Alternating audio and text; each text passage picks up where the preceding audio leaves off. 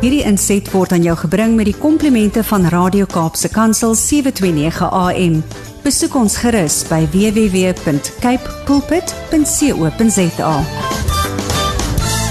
Ja, en ek moet sê ek sien altyd so uit as Antie met ons gaan praat, Ja. Brad. Ek dink vir die rede dat sy bring net daai vroulike sagtheid, maar nog steeds so sterk en kragtige boodskap. Waar ons praat baie keer, jy weet ons moet oor die nuus praat en Mm. al die goeters wat aktueel is, maar dan kom sy net en dan raak sy mense hart so aan. So dit is Antie, as jy nog nie weet hoe sy lyk nie, gaan Google vir haar internasionale spreker. Sy is die stigter van die Babies Behind Bars projek.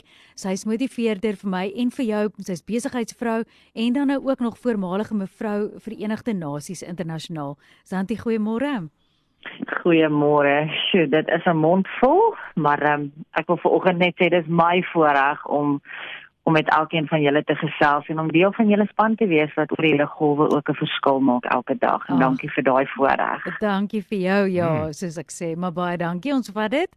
En ja, soos ek sê, jy het net die vermoë om elke week uit jou hart uit te praat met 'n kragtige boodskap en ek sien so uit na wat jy wil deel vandag. Sjoe, julle, ja, ek um, ek ek elke keer as ek as ek op 'n Woensdagoggend praat en dit gaan nou al vir 9 jaar dan wil ek Hmm. net hê julle moet almal weet ek praat regtig eers met myself. en ek en ek deel deel regtig net my wandel en my journey en my vrae wat ek het met die Here en Ja. ag weet jy hy is net vir my so kosbaar en sonder hom is ek absoluut niks en Ek wil vanoggend wil ek met jou deel luisteraar en en en Brad en julle dalk Hmm. daar in die ateljee almal met 'n vraag wat ek dink ons almal mee ja, soms minder en soms meer, maar maar meer struggle elke dag en dit is dat ons soveel stemme het wat in ons kop met ons praat. Mm. My ma het altyd gesê, "Sissa, raas daai koppie nou weer." En ek dink meeste van die tyd is dit nie net ons koppies was raas nie, daar's 'n klomp geraas in ons koppies, nê. Nee. Ja. En is oor daai geraas in ons koppies wat ek ver oggend bietjie wil praat en ek wil vir jou storie bring om net vir jou, julle ken mos maar vir my, die Here praat met my deur stories en ek glo dis ook hoe hy konsepte vir sy disippels gebring het en mag hierdie storie ook iets in jou hart en jou gees tuisbring vandag.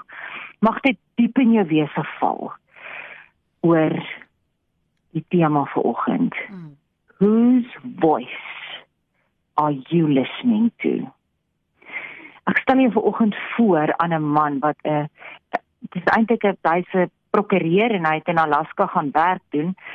En ek tel die storie op vanoggend waar hy he was busy in Alaska doing a lawsuit and they were on their way back to Anchorage from the Orphan Islands. Hmm.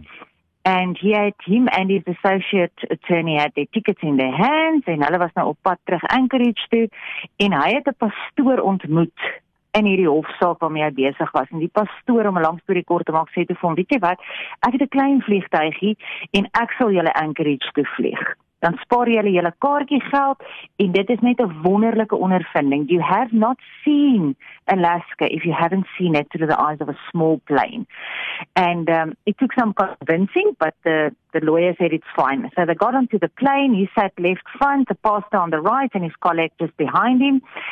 And they started taxiing up, and they went uh, taxiing out on the runway. They had a lift off, and it was the most beautiful and peaceful flight.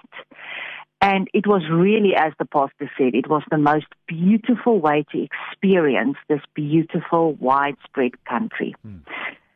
But when they were up in the air a couple of minutes, um, that he said felt like hours because of this beauty. They just took everything in.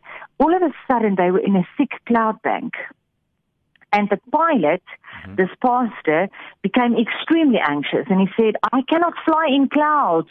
Clouds make me pass out.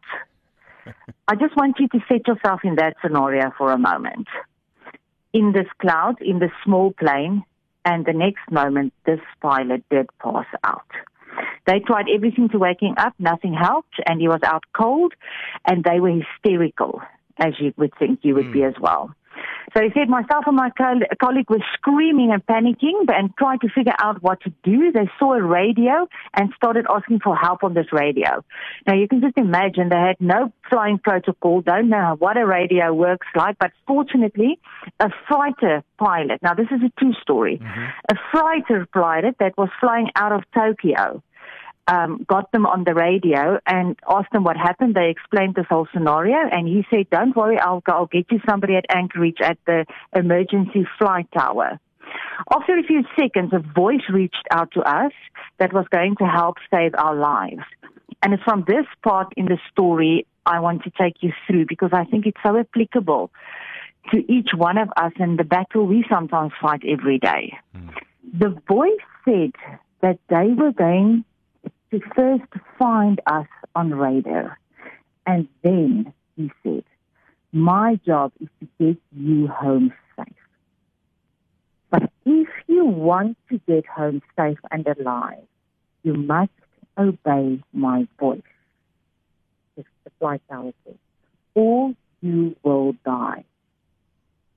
Because when you can't see anything, you have no idea how disorientated you have become. In this cloud, thunder clouds, bad weather, couldn't see anything. Mm. So the guy in the fighter tower said, Okay, I found you now. He said, You are four minutes away from a mountain. He said, You are going to crash into that mountain and die. Follow my voice. Mm. This lawyer said, I never said I have to follow your voice. Is that reasonable? He said he understood that without that man's voice, he was nothing. Mm. And then he challenges me and you to say, Do we know that without God's voice, we are nothing? Finally, he got us turned around and he free, freezed up all the, the, the traffic in the area, mm-hmm. and it took. He said it will take you an hour to get to Anchorage, bad weather, etc. But he said, "I don't want you to look at the storm. I don't want you to look outside. If you look outside at the storm, you will die. But I will take you through it." The pilots in the area started to pray do we realize that our heads are so full of voices and everybody in this world wants to talk to us mm. and everybody wants to be that controlling voice? Mm.